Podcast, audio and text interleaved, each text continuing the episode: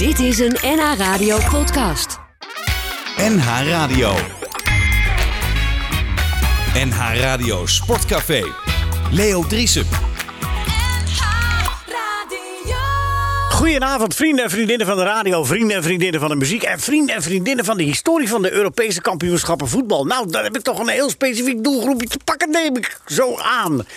Wat gaan we doen, vrienden en vriendinnen van de radio en van de muziek en van de geschiedenis van de EK uit de jaren 80?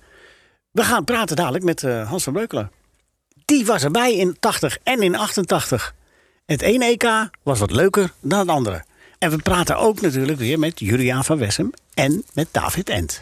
NH Radio Sportcafé. Goedenavond Hans van Breukelen. Goedenavond, Leo Driessen. Ja, wat vind ik het leuk dat je tijd vrijmaakt. Want eh, met een schuin oog zul je ook wel zitten kijken natuurlijk. eh. maar ik wil met jou even de geschiedenis induiken. Dat mag, hè? Eh, ga je gang. Hans, ehm, 1980 en 1988. Dat zijn de EK's die wij vanavond bespreken. Dat doen we straks met David Ent en met Juliaan van Wessem. En die gaan allerlei historische feitjes door elkaar heen. Ja. Maar ik praat nu met een ooggetuige, met een deelnemer. Want je was er in 1980 ook al bij, hè? Ja, derde keeper achter Pim Doesburg. Ik had, eh, hier nog Piet tweede, ik had hier nog tweede opgeschreven, maar je, je was de derde. Ja, ik was al lang blij dat ik mee mocht, man. Ja, want je was eh, de 24, denk ik? Ik, was, eh, ik speelde voor het tweede jaar in de Eredivisie Ja. eh, bij FC Utrecht. Ja. Nou ja, in, eh in 77, 78 had je ook al een paar wedstrijdjes gespeeld. Maar je volwaardige seizoenen maakte je toen. Ja, klopt. Ja, precies. Hans, Ja. daar, meteen maar de vraag. Er kan dus een ongelooflijk verschil zitten tussen het ene EK en het andere EK. Want. nee, ja, toch? Ja, de ene deed je mee en de andere deed je, eh, deed je- zat je op de, toe te kijken. Maar 80 was verschrikkelijk, toch?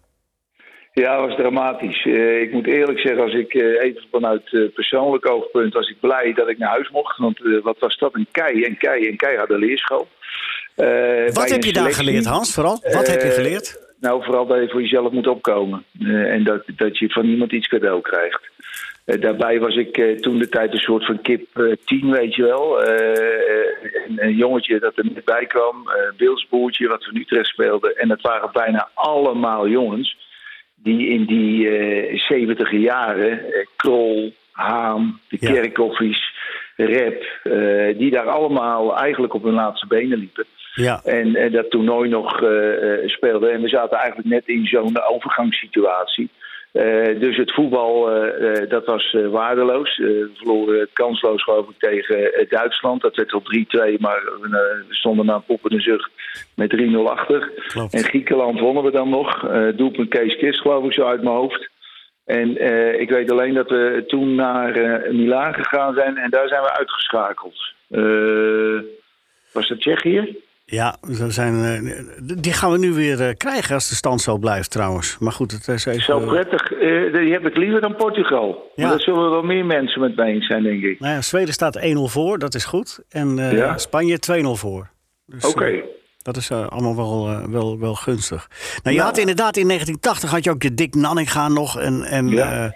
Eh, maar je had ook hele lieve jongens erbij zitten volgens mij. Dat, dat het verschil was een beetje te groot, denk ik dan. Frans Thijssen, Frans Thijssen, Ja. daar, eh, daar Martin Vrijsen. eh, vriend. Martin, ja.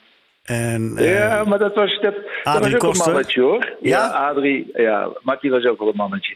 Adrie was inderdaad wel aardig ja. en, en Heini Otto, die, zou nog, die was er ook bij. hè? Heini, was ook prima. Maar weet je, nou noem jij een paar namen. Dat, eh, daar kan ik mij niks meer van herinneren, moet ik heel eerlijk zeggen. Nee, snap het ik, Was, maar- eh, het was vooral voor mij eh, overleven, kop boven water houden en zoveel mogelijk leren. Ja, maar, maar, je zei net, maar, eh, werd je dan ook werd je genegeerd of hoe ging dat dan? zo'n- Nee, joh, dan, dan, ben je juist, wat, als Kop je Jut. bent, ja, dan ben je, nou, daar heb ik wel, eh, daar heb ik wel eh, een, een harde leerschool gehad. Hè. Eh, al een heel simpel voorbeeld, dan kom je met z'n drie op een kamer Mhm. en dan wordt er gezegd, ga jij maar in dat hoekje liggen daar. Daar staat een bed, want Pim en jij, of Piet en Pim, die slapen samen. Nou, dan word je gelijk even gewezen Ja. op je plek. ja, als je dit, terugkijkt, ja, dat is gewoon de hiërarchie. Binnen zo'n groep. En ik was al lang blij dat ik erbij was. Eh, ik was lang blij dat ik erbij was. Dus ik had zoiets van, nou prima zo. Maar eh, nogmaals, het was inderdaad een overgangssituatie naar de geweldige 70 jaren die we hebben mee mogen maken. 74, 78. Waar ik vooral als supporter natuurlijk eh, eh, van genoten heb. En, Maar ja, eh, nou Hans, ja, Hans 76 Ja. was weer ook, ook zo'n zeepertje ertussendoor ja, nee, dat, ja, dat was natuurlijk nou ja, nog wel een derde plaats gehaald daar. Ja, maar ja, er waren vier deelnemers. Ja, nou ja, maar goed, je moest een heleboel het, spelen. eh, je verkloot het natuurlijk tegen Tsjechië, die eerste wedstrijd, met eh, twee rode kaarten, geloof ik. Eh, maar ja, goed, Ja. dat is, eh, Nou, ja, het, is typisch, het is typisch Nederlands eigenlijk, eh, Leo. Dat je, vind ik, als je kijkt maar historisch gezien, 74, 76, hè, eh, eigenlijk top. Daarna was het waardeloos, 88, 90 top waardeloos. Je ziet het in 2010, 2012 waardeloos. Ja, dat is iets van eh, een soort van repeterende breuk bij het voetbal eh, eh, van het Nederlands voetbalelftal. Dat je echt een geweldig toernooi gespeeld hebt. Dat het dan twee jaar later eigenlijk eh, niks voorstelt. Dat is dood en dood. Jammer, maar je Nou ja, kijkt de historie je- maar na. Ja, en als je nog verder terug gaat in die historie, doe ik wel eens met Rinus Israël. want die, Ja. zijn, die zijn hier op zaterdag altijd vaste gast. Ja, ja. En, en dan heb ik het er wel eens over. Eigenlijk, eigenlijk is er een hele generatie aan topvoetballers verloren gegaan. In, wat betreft Europese wedstrijden. Want vanaf 1965 tot 75 hadden en Feyenoord en Ajax... die hadden gewoon internationale topklasse in huis. Maar Ja, het Nederlands elftal was er niet bij in 68, was er niet bij in 70, was er niet bij in 72. En dat Nee. met Kruif, met Keizer, met Zwart, Ja. met Moulijn, met. Van Hanegem. En die kwalificeerden zich niet. Nee, maar ja, misschien dat er toen al eh, allerlei eh, toestanden waren rondom eh, het zo. nationale team, waar allerlei belangen speelden en weet ik wat. Het, het- daarin zijn we, dat blinken we natuurlijk vaak als eh, Nederlands elftal ook uit. Ja, het werd niet zo belangrijk gevonden ook. Het werd Nee, niet zo kan. belangrijk gevonden. Maar als je inderdaad bereid bent om met, met elkaar, en dat heeft natuurlijk ook met, met leiding te maken, met de trainers en de coaches die boven stonden. Maar op het moment dat je inderdaad die kwaliteiten die je hebt kunt bundelen en iedereen eh, voor dat team wil gaan spelen onder leiding van een goede coach, ja, dan kun je als Nederland eh, vaak eh, heel ver komen hoor, in mijn ogen. Ja, dat klopt. Dat klopt. Je had gelijk met Kees Kist. Ik keek nog even na. Je, had het, je hebt een goed geheugen. En toen speelden we nog gelijk tegen Tsjechoslowakije. Hè? Ja, ja zeg, je, groot had je, ja, gelijk Maar, tegen weer ja, Kist. die scoorde. Ja. En, En wie, door wie werden we nou uitgeschakeld? Ik zit even te In, in kijken. Ik denk dat eh, dat de uitschakeling betekende. Toch, hè, Tsjechië, ja, dat dacht ik. Ja, het was we toch... zaten in Grie- Griekenland. We zaten in Griekenland in de pool. Duitsland, wie was die derde dan? Ja, Tsjechoslowakije. Tsjechoslowakije. Maar toen zijn we een ronde verder gekomen, volgens mij. Of was het na die drie wedstrijden einde verhaal? Volgens mij is het. Want ik heb niet meer dan drie wedstrijden daar staan. Nou, dan was het einde verhaal. Ja, dat klopt. Onder leiding van eh, Jan Zwartkruis. Ja, Jan Zwartkruis, ja. Ja. Ja, we gingen eruit. En, za- zag Zwartkruis trouwens wel dat het, dat, in, dat het in zo'n groep had hij daar niet zoveel oog voor hoe dat eh, zat tussen een groep. Nee, eh, Jan was een buitengewoon aardige vent. Ja, daar zeg je genoeg mee. We gaan naar ja, 88, we gaan naar 88 Hans. Want dat is veel leuker. Dat was, jouw, dat was sportief toch jouw jaar? Hè? Want met Ja, PSV, ik mocht er ook bij zijn met PSV. Was ik bij Ja. in Stuttgart. De Ja, je radio. terugkijkt was dat heel bijzonder, Leo. Ja, Ja, toch? Dat wil ik zeggen, ja. En, en had jij nou, eh, eh, want eh, weet niet iedereen meer, maar jij had het, het op een briefje, wat zeggen ze nu tegenwoordig, hè? geef het op een briefje. maar jij had op een briefje de penaltynemers, toch? Of niet? Ja, dat was Jan Reker, hè. Mijn Ja. oude trainer van, van PSV, die had de kaartenbak. En eh, ik was nog van de voorbereiding en eh, zoveel, eh, zo min mogelijk aan toeval overlaten. Dus die belde ik altijd voor wedstrijden. En dan had hij altijd wel een paar namen met, met, met strafschopnemers. En, en de hoek waar ze vaak geschoten. Nou, en als je dan weet dat, ja, mag je veronderstellen dat op het moment dat iemand een strafschop moet nemen op een heel belangrijk moment, dat 9 van de 10 keer ze voor dezelfde hoek kiezen. Nou, en als je dat dan weet, dan heb je wel een voordeel. Maar het was toch het was zo leuk, want ik weet nog daar in Stuttgart, dat het heel lang duurde voordat... eh, Nou, want nou. we- eh, wa- was het zo, eh, ik weet nog, dat, want ik zat, wij zaten daar, ik moest het radioverslag doen. Ja, en toen kwam het verlengen. En toen kwamen nog de penalties. Ik moest ongelooflijk naar het toilet. Je dat toen met Nederlof? Ja, ja, Ja. klopt.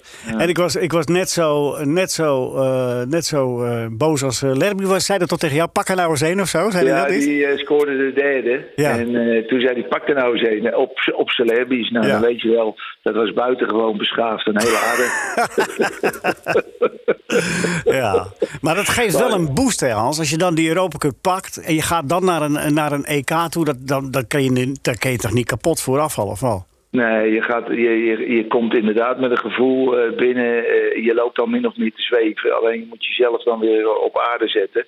Want we hadden natuurlijk ook best wel een feestje gevierd. En we hoefden ons niet gelijk te melden voor, eh, voor Oranje.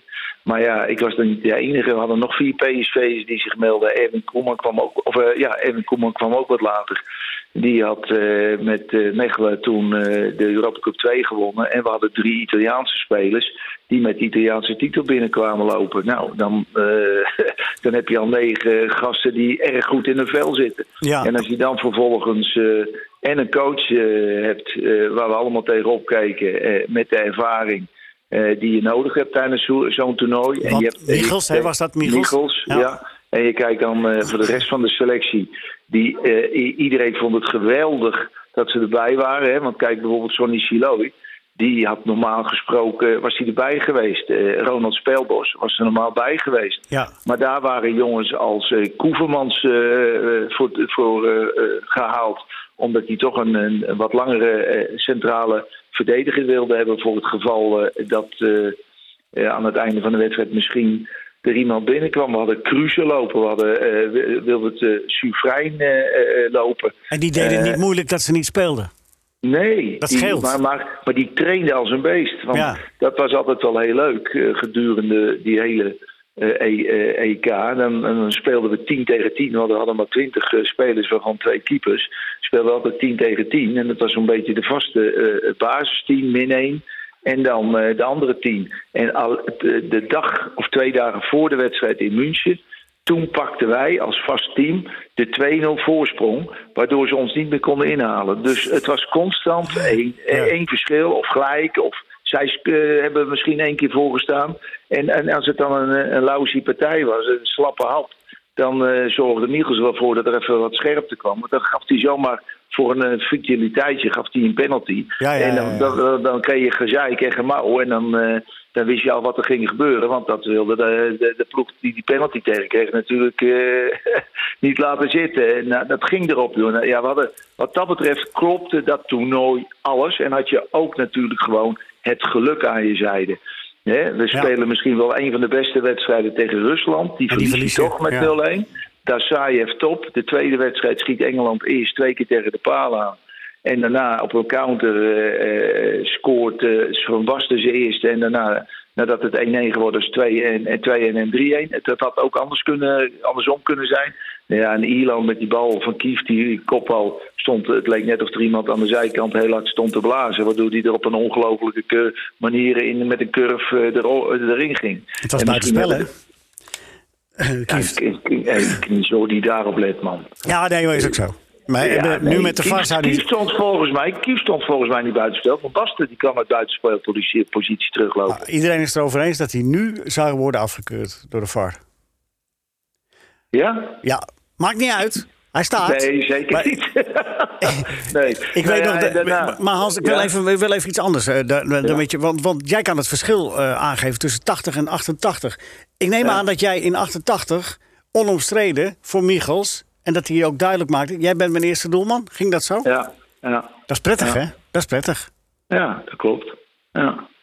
Hij had me natuurlijk het jaar daarvoor had hij... eh, Ja, had hij wat anders me- gedaan. toen had hij me ernaast gezet. En, en dat is dan ook wel weer zo bijzonder dat je dan eigenlijk eh, eh, op dat moment het gevoel hebt... jongens, eh zak er allemaal maar in, ik kap ermee. Ja.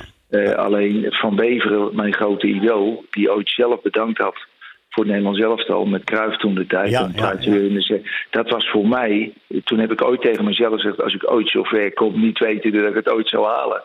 Dan, ik ga nooit op mezelf, uit mezelf bedanken. Maar je was er En- dichtbij. En, en een jaar later was ik toch wel blij dat ik het niet gedaan had. Ja. Nee, nee, want zo gaat het. Het is allemaal heel Ja. vergankelijk. Ja, Ja. eh, maar- maar da- dat, dat was dan prettig, die duidelijkheid. Toch, eh, want ik ben ook benieuwd naar. Het was het wat gedoe rond Van Basten. Want die kwam wel of niet al helemaal net op tijd, net niet fit genoeg. En die wilde eigenlijk wel spelen. En Cruijff had gezegd. Want Van Basten wilde weg voordat het EK begon. Want die, eh, die dacht: hé, hey, ik heb nummer 12 en ik ga niet spelen. En, eh, dat- en toen heeft Cruijff nog gezegd: eh, je moet wel blijven, want het is een EK. ja, ik heb juist een andere perceptie. eh, Ja, dat Cruijff had gezegd: je moet weggaan. Ja, Ja, ja, ja, kan- dat eh, schreef hij volgens mij in zijn column eh, bij de toen nog grootste krant van Nederland. Het zou kunnen, ja, dan zit ik ernaast. Maar het was in ieder geval een hoop gedoe. Eh, ik weet wel dat eh eh, Michels eh, vrij kort eh, in, eh, in de gang eh, tegen Van Basten heeft gezegd van... eh, jouw tijd komt nog, Eh, eh, je moet geduld hebben. Ja. Maar ik begin met, met Bosman tegen Rusland. Ja. En dan kun je soms zien dat door omstandigheden noodgedwongen toch een wijziging komt. Erwin Koeman begon ook niet. Speelde met Schip en Bosman. En die werden vervangen door Van Basten en Erwin Koeman. En in één keer begon het te lopen. Eh, Hans, je, je bent er natuurlijk nu niet bij. Niemand van ons is erbij. We mogen ook steeds minder overal bij. Eh, maar Ja. eh, nou, van buitenaf kunnen we kijken. Als je nu kijkt nu naar deze selectie. Ze zijn allemaal wel blij, hè? Ze zijn wel blij. Zijn wel Nou, blij het lijkt me logisch. Het, het Ja, lijkt me logisch allereerst, omdat we twee eindtoernooien gemist hebben, dat iedereen blij is dat we er weer bij zijn. Ja, we zijn Dat gewoon daar- blij als je snapt wat ik bedoel. Ja, precies. En, en dat is op zich dat is prima. Daar hebben we ook een liedje van gemaakt, volgens mij. Eh, maar eh, waar, waar het om gaat is, waar het om gaat is dat eh, de boer gewoon kiest voor een bepaalde speelstijl. En ondanks alle meningen en weet ik het allemaal, houdt hij lekker vast aan zijn, aan zijn systeem.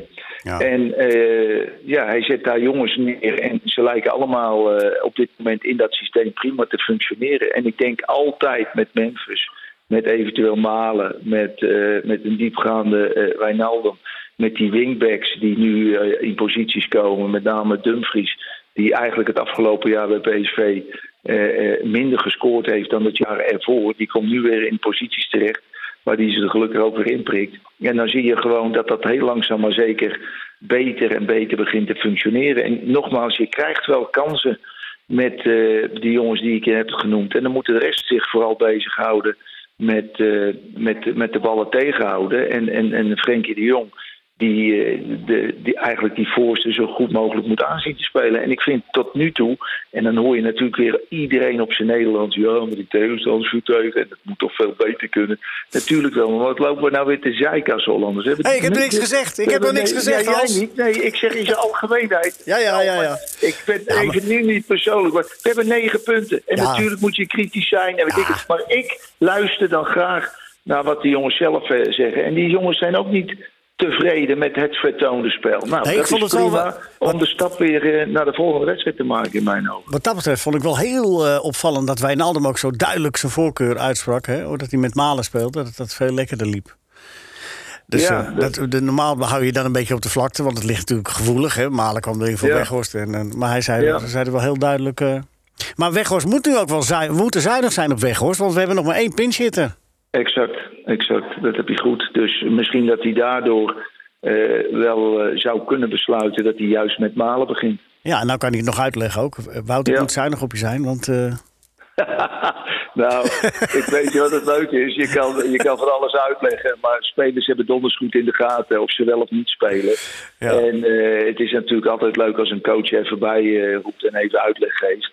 Maar in een heleboel andere landen wordt er nauwelijks met je gesproken als speler. Je hebt het maar te accepteren, punt. ja, zo is het ook. Hey, ik vond het leuk om met je gesproken te hebben, Hans. Wederzijds, Leo, lang eh, geleden, maar eh weet mogen je- je goed gaan. Weet je wat, volgende week zijn we nog een week verder in het toernooi. En ik heb nog, ik heb nog een hoop vragen liggen, maar vanwege de tijd.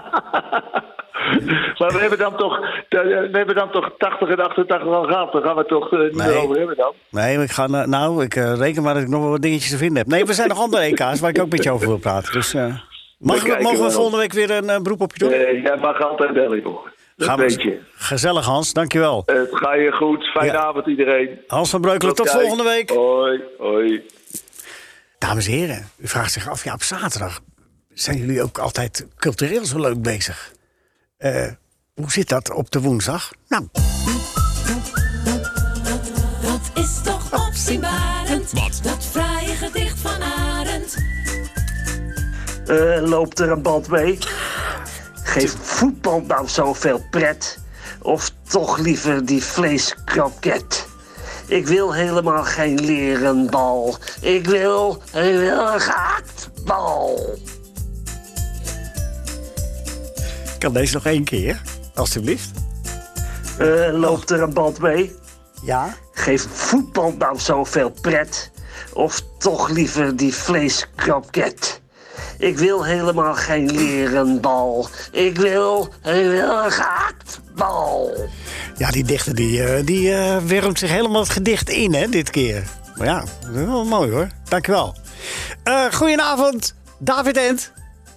Ja, goedenavond. Ben je ook onder de indruk van dit eh, stukje poëzie?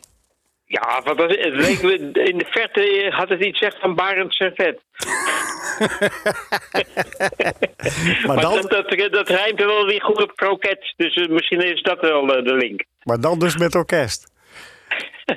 ja. Ja, nee. En, en eh, Juliaan van Wessem? Ja, goedenavond. En David had al meteen de woorden uit mijn mond. Oh, nou, dat was niet de bedoeling.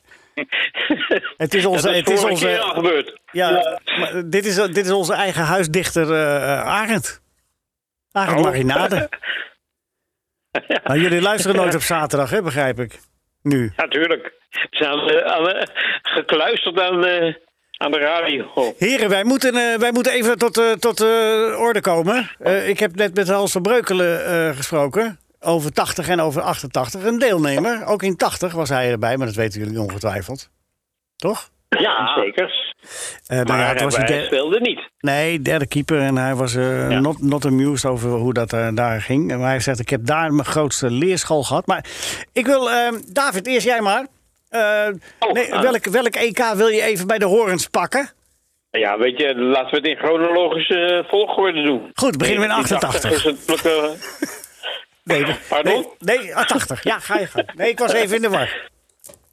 Nou ja, eh, eh, 1980 Italië, een slechtere plek voor het spelen van een EK was op dat moment haast niet denkbaar. Waarom? Eigenlijk. En dat, nou, dat had te maken met een eh, Romeinse fruithandelaar. Die, eh, eh, zeg maar, de, de jaren daarvoor, eh, zeker het jaar daarvoor, had hij eh, zijn stempel gedrukt op het Italiaanse voetbal. Want hij was eh, ja, het, eh, het kwade brein achter de calcioscommesse, de, het eh, omkopschandaal in het Italiaans voetbal dat er ja, een, grote schaamte werp, wierp over het calcio.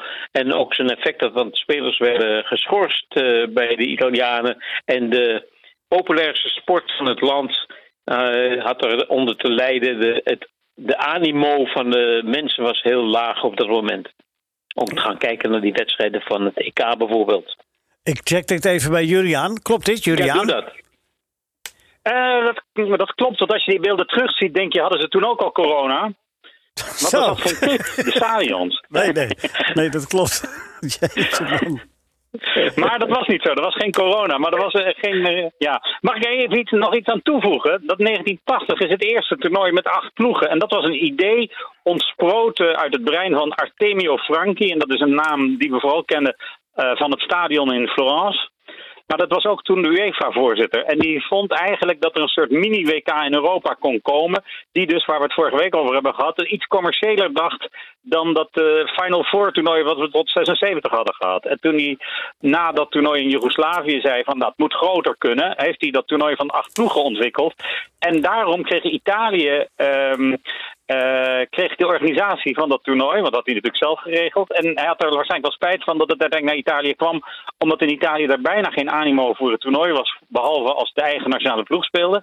Ehm, en het was het eerste toernooi waar sprake was van hooliganisme op de tribunes. Eh, bij een wedstrijd België-Engeland is zelfs eh, met traangas door de politie een, een staking van 10 minuten veroorzaakt, omdat er te veel traangas op het veld was gekomen en de spelers echt van het veld moesten. Het was geen vrolijk toernooi wat dat betreft, maar. eh, ik kan, ik kan, het was voor, voor, voor, de, voor de Nederlandse voetballiefhebber. Ik had het net ook met Hans van Breukelen over. Echt een heel treurig toernooi, hè, Da- Da- David? Ja, dat, eh, de, dat, al die eh, factoren hebben we een beetje genoemd. Hè. Dat, eh, eh, weinig publiek is natuurlijk een. een- ja, veel publiek is een voorwaarde om een leuk toernooi te hebben. Eh, de stemming was niet helemaal geweldig. En ja, Nederland had, zat ook zelf in een bepaalde overgangsfase. Dus niveau in Nederland was ook niet heel geweldig.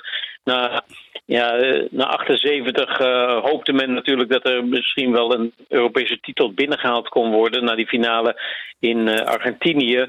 Maar De jonkies waren te jong en de ouderen waren te oud.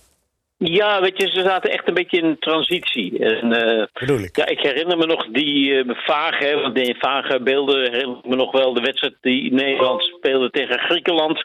Met Kees Kist als doelpuntenmaker. En ja, toen kropen we eigenlijk al een beetje door het oog van de naald. En dat was ook een beetje een teken van hoe het met de kwaliteit van het spel van Nederland zat. Ja. ja, Kees Kist werd topscorer hè, met twee doelpunten.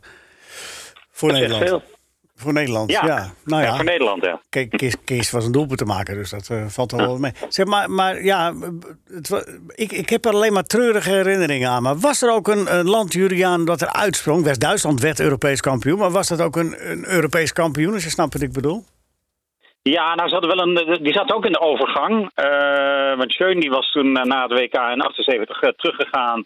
Eh, eh, of met pensioen gegaan. En Derwal had het overgenomen. Maar daar zat wel een ploeg. En iedereen herinnert zich in Duitsland nog wel één speler. Dat is Bernd Schuster. Dat was echt de ster van het toernooi. Ja. Maar je had ook wel Roemenigge. Je had eh, eh, natuurlijk Horst Rubesch. Dat was niet onbelangrijk, want die scoorde twee keer in de finale. En tegen- En Klaus Alofs natuurlijk. Was, die scoorde er drie tegen Oranje. Dus het Rubes, was een beetje dat is ongeheuer, toch? Heet het? ja, ja, dat is ongeheuer. Ja, en de ploeg die het meeste indruk waarschijnlijk maakte eh, op de neutrale toeschouwers was België. Want dat had eigenlijk altijd in de schaduw van Oranje geleefd. En eh, die ploeg plaatste zich ook doordat het een beetje maffe eh, opzet van het toernooi was. plaatste zich voor de finale door één wedstrijd te winnen en twee keer gelijk te spelen. En ehm, de kop van de Telegraaf was wel heel veelzeggend over hoe wij over de Belgen toen dachten van... wat een Belgemop, de Rode Duivels naar de finale, zoiets. Ja, ja, ja. En de- Maar ik wil nog even iets benoemen bij Oranje. Want dat, Ja. eh, eh, dat heeft eh, eh, Hans van Breukelen waarschijnlijk eh, ehm, eh, eh, totaal, eh, totaal uit zijn brain verwijderd. Dat was dat we hebben daar ook een zwembadincident gehad. En niet zomaar een Nou, zwembadincident. ik heb er niet naar gevraagd, maar ik kan hem volgende week dan wel even checken of dit verhaal wat jij nu gaat vertellen, of dat dan klopt. Dus Ja. hoedje voor leugens. zwembad. Ja, het was een, Oranje had een, zat in Napels de eerste week van het toernooi. In 80, hè? Dat was- Het gaat over 80. Ja, en het gaat om Castellamare eh, Stabia. Dat was het eh, hotel. Moet je maar eens opzoeken eh, op Google. Dat hotel heeft een prachtig zwembad. En aan dat zwembad hebben alle spelers kunnen liggen. Eigenlijk een soort zomervakantie gehouden. Wat je natuurlijk ook logisch is om dat in de buurt van Napels te doen. Maar in Italië waren de voetbalgrenzen net geopend. En die voor buitenlandse voetballers. En wat gebeurde er? Er was een verzamelplek van Nederlandse voetballers. En vooral van Italiaanse zaakwaarnemers. Waar één man eigenlijk het centrale rol in had. Want die moest beide partijen aan tot elkaar brengen. En dat was de, de beruchte Ploon Konijnenburg. Aha, de man En Apollonius. Apollonius. precies. Of Apollo voor de Italianen. En eh, nou ja, Krol heeft er in ieder geval een mooi contract aan overgehouden. René van der Kerkhoff die tekende bij Lazio Roma. Maar dat is uiteindelijk later dan toch niet doorgegaan. Van der Korput ging naar Torino. Nou ja, dus het was niet helemaal onvruchtbaar. Deze eh Maar het, was, kruisbestuiving. maar het was ook niet rustig daar aan het zwembad, wilde je maar zeggen. Nee, en Jan Zwartkruisers heeft zich toen denk ik zwaar gefrustreerd teruggetrokken Ja. op een van de hotelkamers. Ja. Ja, voor de zoveelste En toen keer. was er nog geen Hans Jorritsma. Om, eh, Elftal begeleider bedoel je? om, het, eh, onder, om het onderkomen op een goede plek te zetten. Nee, dat, dat was dan blijkbaar niet aanwezig. Nee, nee. Maar dat, ja, dat, dat, maakt, dat, dat zorgt ook niet voor een beste sfeer natuurlijk. Hè? Als iemand daar eh, eh, aan het zwembad aan het onderhandelen is... eh, ja, dan ben je niet echt met het toernooi bezig, toch? Nee, ja, precies. Ja. Dat, dat was wel. Maar is er nog een andere reden, David? Ik zei van de oudjes waren te oud en de jonkies waren te jong. Maar het is toch een eindtoernooi, je wilt toch presteren. Waarom, waarom ging dat nou zo gruwelijk mis met Nederland? Was dat... Nou ja, eigenlijk heb je een, eh, is een aantal eh, redenen al aangegeven. Hè. Die, die transitie en de onrust in een ploeg. Een, een bondscoach die eigenlijk zeer ontevreden is eh, over de gang van zaken. Dat zijn niet de beste voorwaarden. En natuurlijk probeert iedereen... eh, Van, eh, van Piet Schrijvers tot eh, Martin Vrijzen probeert er het beste van te maken. Maar het zat er gewoon niet in. Het, Nee. ja, eigenlijk de beste wedstrijd die Nederland speelde was die tegen Duitsland. Waar Schuster drie keer scoorde. Maar dat was wel echt een, een toppartij, vond ik zelf. Ja. Julian? Maar, Ja, maar de- ze, begonnen eigenlijk pas te voetballen toen ze al met 3-0 achter stonden. Maar toen brachten ze het wel weer terug tot 2-3. Maar ik herinner me vooral, ook in de hitte van Napels is een eh, betonnen bak die niet vol is. Eh, de, de frustratie is eigenlijk dat die Duitsers ook veel fitter waren en eh, ja, meer drauf. En, West-Duitsers waren het, veld nog in die gaven. tijd, hè? West-Duitsers. En, en, maar was het een beetje onderschatting ook van die... die Kan dat? Mm, nou, misschien. misschien. Zeg, eh, jullie Ja, zitten- wat, wat, daarom noemde ik nog eventjes Hansi Muller. Hè. Even terug nog naar... eh, heren- ik dacht dat Hansi Muller speelde in dat team. En jij hebt toch een speciale band met Hansi Muller, eh, Leo? ja, vertel jij dat dan maar. Nou ja, op het, op het WK 1990 speelde je samen met Hansi Muller in de journalistenelftal. En eh Hansi Muller scoorde en eh, op wiens aangeven was dat? Of was het... Ja, Ja, dat, ik dacht dat die man hier zit achter de microfoon. Precies. Maar dat weet bijna Ja, niemand, dus dan moet Leo ik Driessen. Dat is wel waar. gewoon-. Leo Driessen. Jawohl. Ich Ja. habe ein, ich habe einen Deutscher assistiert. Ja, über die Alpen. Ja, Hochkings. zeg, hey, hebt luister een shirtje gewisseld. Dat weet ik nog wel. Een hele opeens de volgende ochtend Hansi Muller met een, een shirt van Café Nol door de hotel. Ja, klopt. Ja. ah, Altijd Mensch, lol. Mensch, wo bist du gewesen, Hansi? Ja, ja, ich war in äh, Italien. Ja, aber du hast eine Kneipe Null T-Shirt. Wie denn das möglich? Ah, ja. Noller geht niet. Hey, anyway, we gaan eh, niet naar 90, we gaan terug naar 88. Ehm, Ja. eh, en maar even een schuin oogje nu naar de huidige stand. Van, eh, volgens de gegevens van Sjoerd Monsou is het als- zoals het nu is bij Slowakije, Spanje en bij Zweden, Polen. Dat Nederland tegen Tsjechië gaat spelen. Klopt dat? Ja, het is nu 2-2 geworden. Ja, hè, net dat is, eh, Polen. Zweden moet niet winnen. Ja. Oh, eh, niet Nee, nee, verliezen. als, Polen, als Polen nu 3-2 maakt, wordt het helemaal anders. Ja, dan wordt het anders. Maar, Maar- nu is het nog goed. Nu is het nog, nu is het nog redelijk te, te overzien, het drama. Nee, maar nu speelt... moet niet doorgaan. Nee, en, maar- en, en Slowakije gaat ook niet door. En dat betekent dan dat, eh, dat je E in die tabel, die matrix, kan wegstrepen. Ja, en, en dan dat- is het meestal Tsjechië. Dan wordt Nederland-Tsjechië. Ja. En is dat dan beter dan tegen Portugal, David? Ja, zo op papier wel. Want eh, die Por- Portugezen hebben het nog niet heel veel laten zien. Maar het is wel zo'n ploeg die in een toernooi kan groeien. Ja, en die heel graag tegen Nederland eh, speelt. Ja, ook dat hebben een goede. eh, Wij hebben een slechte reputatie tegen de Portugezen qua uitslag. En dat speelt maar toch een rol, want er wordt over gedacht. Huh? Maar ook tegen die Tsjechen. Want dat hebben we net besproken. eh, 76, 80. En dachten we, ja, met Hans nee, ja, zo kan hij wel weer, heren. Eh, Oh, sorry. nee, ga- nee, je hebt gelijk. uitgenodigd of niet? Nee, je hebt gelijk, maar we Ja, gaan eh, niet... never ruin good stories with facts. Daar hebben we allemaal helemaal niks aan. Hey, 1988. Ja, eh Eén naam. één naam. Oké. Ja. Marco. Hè? Het is zijn toernooi geworden. En Gullit was de grote man daarvoor. Die overigens eh, eh, naar Zucchero luisterde. Marco die luisterde vooral naar Paolo Conte. Maar eh Gullit die dan de in Nederland nog onbekende Zucchero mee in Milanello in het trainingskamp. En dat vond ik wel leuk, want daarmee werd duidelijk dat hij binnen een maand geïntegreerd was in de Italiaanse eh, Mores van de kleedkamer. En dat, dat maakte hij ook dat seizoen waar. Maar die kwam als een, echt als een groot kampioen uit Italië naar het EK. En eh, werd, had de gouden bal gekregen. En uiteindelijk was hij, ze heeft hij zelf altijd toegegeven, was hij vermoeid. Maar was toch wel de op één na beste speler van het toernooi. Maar Van Basten sprong er natuurlijk na zijn invalbeurt in de eerste wedstrijd eh, in dat gat. En werd natuurlijk de helft van het toernooi. Ja, terwijl het, David, maar ik had het met Hans van Breukelen daar ook over, eh, Ja. maar weinig had gescheeld. Of Marco was er helemaal niet geweest, hè? Als hij naar Johan Nou ja, had geluisterd. Ja, kijk, ik bedoel, als je mij die eh, vraag ook had gesteld van eh, welke naam, zou ik hebben gezegd eh Michels. Want Rinus Michels was natuurlijk bondscoach van het Oranje en uiteindelijk leidde hij knap naar de overwinning. Maar was het er nou een dwaling of een meesterzet om in die eerste wedstrijd van Basten niet en Bosman wel in de beginopstelling neer te zetten? Kijk, later in de wedstrijd moest Van Basten toch in, omdat het allemaal niet liep tegen Rusland. Hè, het doelpunt van, eh, van Rats. Eh, en ja, dat was eigenlijk eh, het begin van de wedergeboorte van, van Basten, die niet zo ja, Ah, in fysieke vorm was. En daarna tegen Engeland natuurlijk liet zien dat hij wel aanwezig was. Julian, in mijn, in mijn geschiedenisherinnering is het zo dat Van Basten terugkwam van een blessure. Eh, en eh, eh, in een vriendschappelijke wedstrijd ook maar een paar minuten maakte. En dat, dat, dat Bosman het eigenlijk verdiende, al was hij intrinsiek minder, verdiende om te starten. Dat, Ja, dat was ook zo. Dat was ook zo. Ja, hij, had die, hij had natuurlijk zijn enkel blessure gehad. Ja. Had in april zijn rentree gemaakt. Eh, heeft nog een beetje, heeft wel een historische goal voor Milan gemaakt in die inhaalrace op Napoli. En heeft ook nog gescoord in die beroemde wedstrijd in Napels. Maar raakte daarna bij een, een, een, een, ja, een feestwedstrijd bij Manchester United. Na het seizoen geblesseerd omdat hij eh, bij een elleboogstoot eh, zijn oog, oogkas brak. En daarom heeft hij ook op al die foto's dat, die pleister rond zijn oog ehm, tijdens dat EK.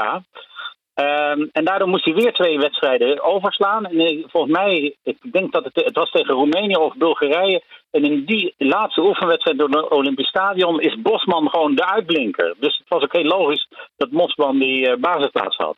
En Ja. daarachter stond de de andere keeper. Ja, aan, de andere kant zei, David? aan de andere kant zei Michels later... ja, dit was mijn manier om, eh, om Van Basten... waarvan hij natuurlijk wel wist dat hij kwalitatief de beste was... om hem te prikkelen. Ja, Want hij ja. vond dat eh, Van Basten te veel vanzelfsprekend eh, aanspraak maakte... op die spitspositie. En de, Michels zei van... ja, daar, wacht even, ik zal hem even laten zien wie hier de baas is. speelde wel gevaarlijk spel dan, Michels. Want het, Van Basten heeft op het punt gestaan om het toernooi toernooi te laten. Vertel. Nou, ik heb begrepen dat Cruijff hem dat heeft ingefluisterd. Ja. En dat Van Basten altijd Zelfs in zijn column op gezet. advies van Saki, om in de trainingskamp te blijven. Omdat Ja. hij dan fit aan het nieuwe seizoen kon beginnen. Ja. Ja, Ja, ja. ja Mooie dus. achtergrondverhalen toch, hè? Ja, maar eh, heb ik nou ongelijk of eh, hoe zit het? Nou, ik denk dat jij meestal wel gelijk hebt, eh, Leo. Nee, maar ik bedoel, Oh, het, het was inderdaad, er was wel gedoe rond Van Basten hè, voor de, Ja, voordat hij. EK startte. En Ja, eh, eh, hij ook niet voor niks en het toernooi met nummer 12 gespeeld. Hè? Ja. Dat heeft ook zo zijn reden. Welk land sprong er nou uit naast Nederland? Juriaan in 88. Ehm, nou, ik denk dat de eerste week van het toernooi was het toernooi van Italië. Ehm, en dat is wel leuk, omdat natuurlijk de man die het eerste doelpunt in dat onvergetelijke, voor ons onvergetelijke toernooi eh, scoorde, is Roberto Mancini, de huidige bondscoach van de Italianen. En dat gebeurde in de openingswedstrijd tegen West-Duitsland. En eh, ja, daarin zagen we een heel fris spelend Italië. En dat werd eh, uiteindelijk 1-1, ook omdat eh, Duitsland een, een eh, vrije trap kreeg waar ze in Italië niet heel blij mee waren. Maar die werd door Bremen benut. Maar goed, 1-1 in de openingswedstrijd, dat ging nog wel. En daarna versloeg Italië eigenlijk tegen de verwachtingen in Spanje met 1-0 door een doelpunt van Luca Vialli in Frankfurt. En ze wonnen daarna ook van Denemarken. Dus ze gingen ehm, ja, toch wel heel sterk naar, naar de halve finale toe. En de andere ploeg die natuurlijk eigenlijk ieders hart stal was Ierland. En dat Ja. zal jouw hart ook hebben gestolen. Want die wonnen de eerste wedstrijd bij hun debuut eh, van Engeland met 1-0 in Stuttgart. Dat was natuurlijk onvergetelijk. Ja, maar ik vond Engeland, dat ik kan me in mijn herinnering, ook omdat die wedstrijd uiteindelijk eh, allemaal eh, goed verliep voor, voor Nederland. Maar ik vond Engeland, eh, ja, die speelde tegen Nederland wel een bijzonder boeiende wedstrijd. Zweden maakt 3-2 trouwens. Dat is ook goed, hè? Toch? Of niet? Ja, dat is beter voor ons. ja. voordelig. Ja. En Slowakije verliest met 5-0 van Spanje. Nou, Spanje is los. Ja, ja, ja. Maar, eh, maar eh, Engeland, ja, no- nogmaals, die, die hadden toch die, hadden die wedstrijd die Nederland dan uiteindelijk ru- ruim wint met een ontketende Van Basten. Dat had ook zomaar andersom kunnen gaan, hè, die wedstrijd. Dit Engeltje op de lat, hè, waar Van Breukelen het altijd eh, Ja, die of had regelmatig over heeft gehad. Want die, die vrije trap van Lineker geloof ik op de paal. En daarna eh, Brian Robson ook nog op de paal. Ehm, het had ook 0-2 kunnen staan na een kwartier. Dat klopt voor Ja. Engeland. En dat was, maar dat was wel een heel bijzonder duel, omdat beide ploegen hadden een eerste wedstrijd verloren. Dus het was voor allebei eigenlijk al een finale, die wedstrijd. Ja, dat- daarom was hij zo spectaculair. Het was een do or die. ja. ja. Ja, dat was een, een heerlijke wedstrijd. Ik, eh, ik ben toevallig ook eh, geweest bij die, bij die partij. En het was een, eh, een vast, fantastisch en fascinerend eh, duel tussen die twee landen. Met natuurlijk Van Basten als grote winnaar die naar voren kwam. Maar eh, ik vond eh, Engeland een, een goed team, maar eigenlijk een beetje zoals altijd bij toernooien. Dan lieten ze het op het beslissende moment weer afweten. Eh, ik moet zeggen, ik heb genoten van de Russen. Want de Russen hadden natuurlijk in 86 al huis gehouden op het WK in, in Mexico. En waren toen door de Belgen de voet was gezet. Maar die hadden een van de beste ploegen eh, van dat moment onder de leiding van uh, Lubanovski. En ja, ik, ik kan me nog herinneren dat Cruijff een opmerking had na de eerste wedstrijd tegen Nederland, die de Russen wonnen. Of de Sovjet-Unie moet ik zeggen natuurlijk. Hè.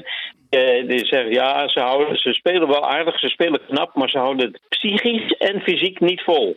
Nou, dat laatste eh, was niet helemaal waar. Ik denk dat ze fysiek wel redelijk volhielden. Maar misschien psychisch niet. En dat had ook te maken met die, die engel op de lat bij Van Breukelen. Die ja, ook meehielp om Oranje te laten winnen van de Sovjet-Unie. Je hebt een beetje geluk nodig in een toernooi. Hè? Dat moet er altijd even tussen zitten. Je kan niet eh, eh, zeven Ja. vlekkeloze wedstrijden spelen. Zo gaat dat niet. Nee, nou ja, dat was. eh, maar ik moet er wel bij zeggen dat, dat, dat David. ik heb natuurlijk ook wel al die wedstrijden mogen zien. Maar David benoemt ook de- misschien wel de beste halve finale. Niet emotioneel. Was eigenlijk Italië-Rusland. Wat die, of Sovjet-Unie. Wat die Sovjets toen in die wedstrijd tegen de Italianen lieten zien. Was imponerend. Maar ze kwamen met heel veel geblesseerden. En, en vooral ook schorsingen naar de finale toe. Ze moesten een hele ploeg omgooien voor de finale. Want ze speelden uiteindelijk met een 3-5-2 die finale. Omdat ze geen rechtsback en geen linksback meer hadden. En dat was wel, eh, dat is wel een voordeel voor Oranje. Waar ze echt van hebben geprofiteerd. In vergelijking met die eerste wedstrijd in Keulen. En, ehm, en dan nog had uh, in het eerste kwartier kunnen scoren in de finale. Maar goed, het Engeltje zat op de lat. En Oranje heeft uiteindelijk heel mooi en verdiend. En mooi ook eh, met de mooiste spelers, Gullit en Van Basten, die finale naar zich toe getrokken. Dus. eh, eh, en Van Breukelen natuurlijk met zijn penalty. Het is, Ja, nu, eh, ja, het, is nu, het is nu zeker, jongens. Nederland speelt tegen Tsjechië zondag. Oké, Dat is mooi. nou dan, dan gaan we kijken naar de vol- volgende partijen. Frankrijk, eh, Portugal. Ja, eh, ik wil nog even, eh, want we hebben nog een paar minuutjes. Eh, jullie hebben je uitstekend voorbereid op 80, 88. Wat is, wat is nou iets wat we nog niet behandeld hebben? Juliaan, een, een anekdote, iets wat eruit springt. Kun je dat nog, wil je dat nog kwijt? Nou, er is er één, één ding wat we niet hebben benoemd. Eigenlijk hadden we daar mee kunnen beginnen. Dat was die voorrondewedstrijd tegen Cyprus. Waar die Oh, bom op het ja. veld vloog. Ja, Waardoor stond, we bijna gedisqualificeerd waren. ik stond achter, ik stond achter de het doel. hoogwerker bij de meer. Ja, Ja, ik, ik, stond, ik stond achter het doel eh, bij- toen het gebeurde. Met gelukkige koptelefoon op, toen die bom ontplofte. ja. Wa- Want eh, de fotograaf van de Telegraaf, Glenn Wassenberg, zat naast mij, maar die had geen koptelefoon. En die had een scheurtje in zijn trommelvlies. Het was echt een knal, zeg. Hey. ja. Ja. En toen werd er nog, maar, die keeper maar tegen die keeper werd wel, daar stond ik ook bij, werd wel gezegd: eh, ga liggen weer. Want die had niet zo heel Nou veel. ja, ik weet nog wel dat ik in die gang liep. Eh, en en ehm, eh, die Garitou die was inderdaad zogenaamd van Pampus, maar die lag al te lachen dat ze, dat ze zouden een 3-0 overwinning krijgen, Cyprus. Ja. En dan was Nederland gewoon. eh, en toen hebben ze, ehm, nou, dat is een affaire geweest. Een dat staaltje diplomatie die zijn weerga niet kent, is daarop losgelaten. Ja, dat was die dokter Ko Greep. Die had dan gezegd dat een, een, een keeper daar helemaal niet afgeleid door kon raken door zo'n bom. Ja. En ik geloof dat ze Glenn Wassenberg toen hebben verstopt. ja, en ik heb ook niks gezegd. Ze noemen het ook de gouden greep. ja. Nou, er ging ook wel eens een operatie mis. en Weet je hoe ze hem toen noemden? Ja. Missen. Oké, de, eindstand, de eindstand in groep E is eh, Zweden 7 uit 3, Spanje 5. En dat betekent dat eh, Zweden, Engeland, Wales en Denemarken in ieder geval eh, op de helft van Nederland zitten. ja, Dus- en dat aan de andere kant Spanje-Kroatië een wedstrijd is om even ja, en Italië, geven. en Italië-Oostenrijk. Ja. En België moet nog even afwachten tegen wie ze spelen. En de winnaar van groep F speelt dan weer tegen Spanje en Kroatië. De winnaar nou, niet daarvan. tegelijk toch, mag ik aannemen. Dat, nou ja, dat kan ook nog. Dat zou oneerlijk zijn als in tegen Spanje en Kroatië moeten. gaat. Zeg, jongens, veel plezier met wat er dadelijk komt om 9 uur. Dankjewel, Leo. En eh, ik, ik, Ja. hoop, je- ik mag jullie volgende week weer eh, verwelkomen. Hè? Wat is het huiswerk? Het huiswerk is, dat ga ik nu even naar de producer. 90, de hele jaren nee, 90, 94, 98. 90, 94 en 98. Vooruit maar. Ja, maar we doen geen WK's. Dus we, eh, 92 en 96. Hè? 92, ja, 92 en 96 dus ja. Want 90 en 94 en 98, dat waren de WK's. Maar onze producer gokte even en gokte mis. Ja, Maar nou ja, je kan wel eens een gouden greep in de gabbelton doen, eh, gabbelton doen en niks te pakken krijgen. Ja, maar, maar, maar hij, hij had wel een heel mooi gedicht. Want dat doet hij er ook nog even bij. Dus wij hebben als enige bij, bij de radio een dichter producer. Theehaler. Nou, ik ben ook voor die retteketet kroket. Ja, die was goed, hè? Die was goed. Ja. Julian van Wessem, veel plezier met alles. David Ent, veel plezier met alles. En ik eh, dank Ja, jullie heel hartelijk voor jullie eh, fantastische bijdrage. 92 en 96, heren. Ja, en, eh, tot volgende week. Aan het werk. eh, Zeg, dat bepaal ik wel. Tot volgende week. Bart, dankjewel voor de geweldige technische leiding. En eh Arend, Nico, hartelijk dank. U thuis, heel veel plezier met alles wat u van plan bent. En zo. Dit was een NH Radio podcast. Voor meer, ga naar nhradio.nl. Radio.